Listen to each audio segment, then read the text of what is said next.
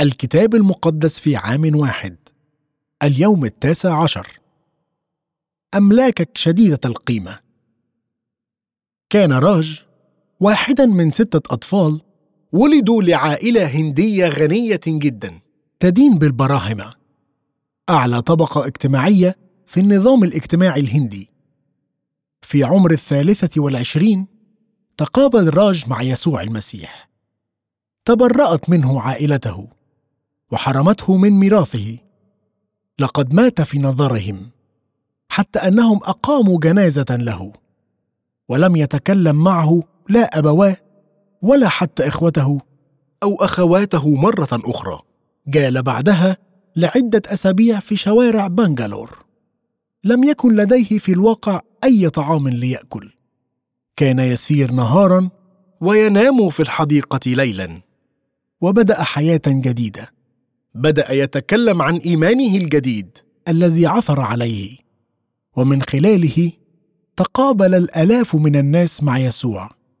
ومضى ليقود حركة صلاة تتكون من أكثر من ثلاثة مليون شخص. ثم لعدة سنوات كان لنا امتياز أن يكون هو المدير القومي لألفا في الهند. وقال لنا مؤخرا أنه تمتع بحياة مباركة. وأن الله قد عوضه بأكثر من خسائره رغم أنه ترك كل شيء إلا أنه وجد في يسوع المسيح اللؤلؤه الكثيرة الثمن. العلاقات هي ممتلكاتك الأغلى قيمة. هناك علاقة واحدة خلقت أنت من أجلها. هذه هي أغلى لؤلؤة في كل اللآلئ. إنها تستحق أن تبيع كل شيء لكي تشتريها. محضر الله الوثيق. حتى في أصعب وقت في حياتك يمكنك أن تختبر محضر الله الوثيق. كان داود في أزمة ونصح بأن يهرب ويختبئ في الجبال. فكان رد فعله على الرب توكلت. كيف تقولون لنفسي اهربوا إلى جبالكم كعصفور؟ كما يختتم المزمور بالتركيز على العلاقة مع الله مع وجود الوعد بأن المستقيم يبصر وجهه. يستخدم داود لغة استعارية رمزية ليرسم صورة عن محضر الله الشديد القرب. يتحدث المزمور عن خبرته ورغبته في العلاقة مع الله من بدايته إلى نهايته.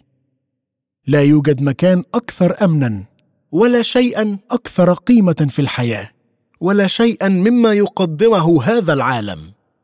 يمكنه أن يقارن بمحضر الله الوثيق. أي رؤية وجهه. أريد اليوم يا رب أن أحتمي بك. أريد أن أرى وجهك. أطلب منك أن تشبع أعمق أشواق قلبي بحضورك الوثيق. معرفة ابن الله. يستميت بعض الناس في البحث ثم يجدون يسوع. آخرون مثلي تعثروا فيه. لكن ما أن تجد الكنز فإنه يستحق التخلي عن كل ما سواه. ما بين مثل الزواني ومثل الشبكة يخبرنا يسوع بمثلين قصيرين جدا.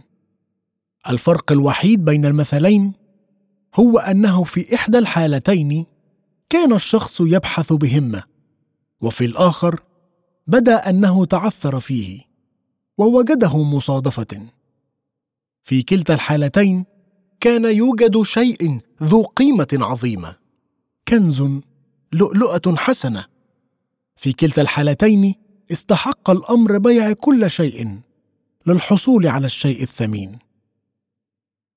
هذا هو مكان الفرح الحقيقي. حيث يمكن أن تجد الكنز الحقيقي والقيمة العظيمة. يتعلق ملكوت السماوات كله بمعرفة الملك. إنه يتعلق بالتمام بيسوع المسيح. وكيف تتجاوب معه؟ هو اللؤلؤة ذات القيمة العظيمة التي اكتشفها راج وملايين غيره. عندما تنظر على كل الشرور التي في العالم ألا تتساءل لما لا يتعامل الله معها مباشرة ويتخلص منها؟ في مثل الزوان يريد الخادم أن يقتلع الزوان لكن يرفض سيده حيث ستأتي الدينونة فيما بعد. إنه يحذر من مصير من يتسببون في الخطية وكل من يفعلون الشر. ويقول عن الزوان أن الله سوف يجمع من ملكوته جميع المعاثر. وفاعلي الاسم وأنه سوف يخرج الملائكة ويفرزون الأشرار من بين الأبرار ويطرحونهم في آتون النار. هناك يكون البكاء وصرير الأسنان. إنه يعد في هذا اليوم أن الأبرار الذين تصالحوا مع الله من خلال يسوع حينئذ يضيء الأبرار كالشمس في ملكوت أبيهم من له أذنان للسمع فليسمع. إنها علاقتك مع الله هي التي ستجعلك تضيء وهي تعني أنه في يوم من الأيام ستضيء مثل الشمس في ملكوت الله. لكن الله لم يسمح بدمار كل ما هو شرير بعد. إنه يريد جمع كل القمح في مخزنه.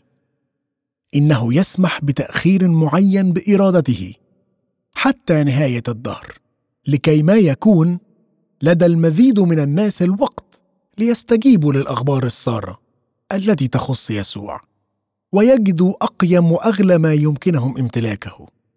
أشكرك يا رب لأن العلاقة معك هي اللؤلؤة العظيمة القيمة. أبقني قريبا جدا منك وساعدني لأتجنب أي شيء يجذبني بعيدا عن تلك العلاقة. اختبار بركة الله. هل ظروفك بعيدة عن أن تكون مثالية في الوقت الحالي؟ هل تشعر بأنك مقيد بظروفك؟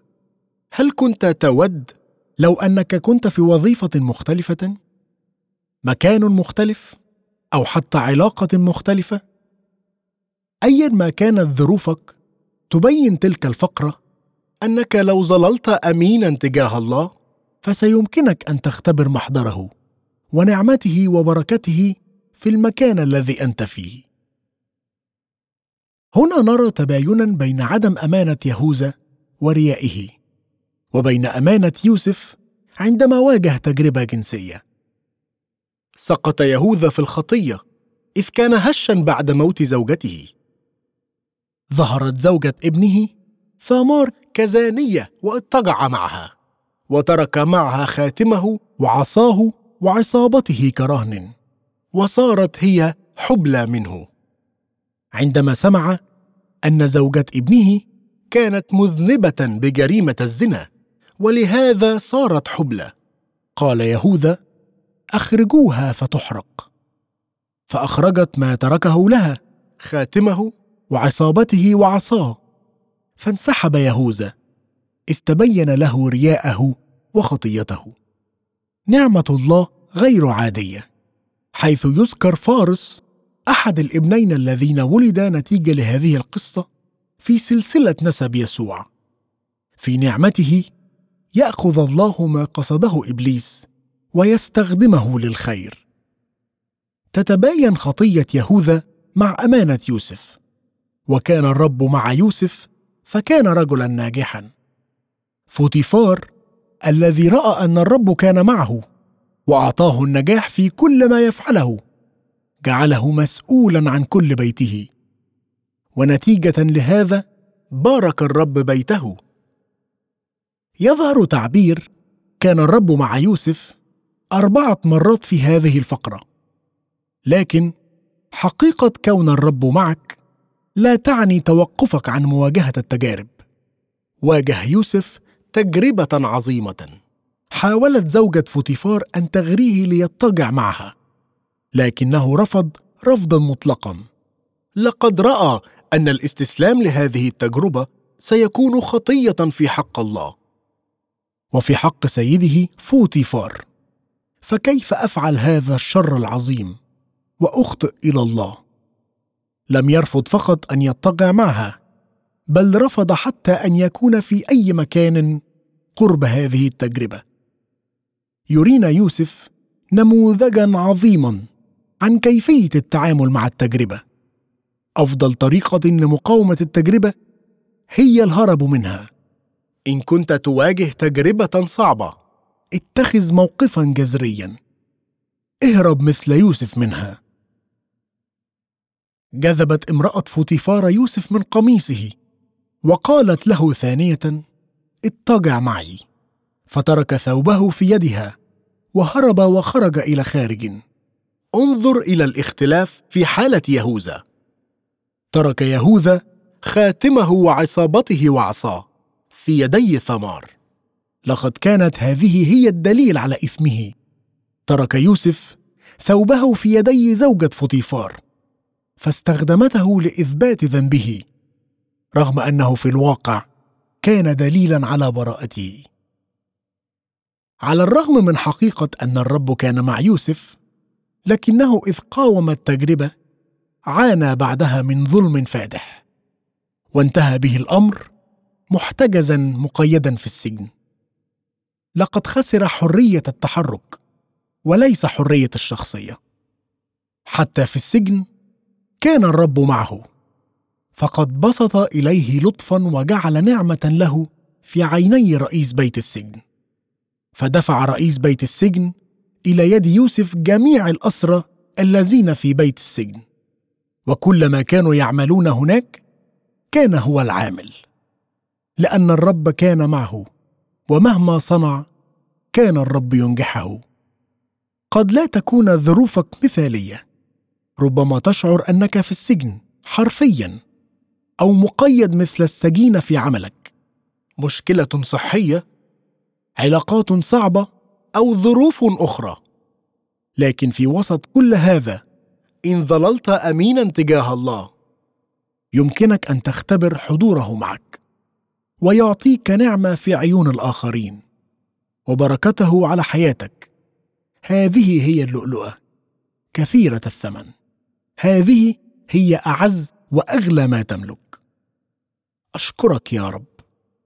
لأنه حتى حينما تبدو الأمور أنها تسير في الاتجاه الخطأ وتوجد تجارب وامتحانات. أستطيع أن أعرف أنك معي وأن أختبر بركتك على حياتي. لا يمكنك أن تبقي شخصا صالحا محبطا حتى النهاية. كان الله مع يوسف حتى عندما كانت الظروف كلها صعبة. لم ينقذه بالضرورة من تلك الظروف لكنه استخدمها للخير. لقد كان الله يعمل في شخصية يوسف. وكان كل هذا جزءا من إعداده.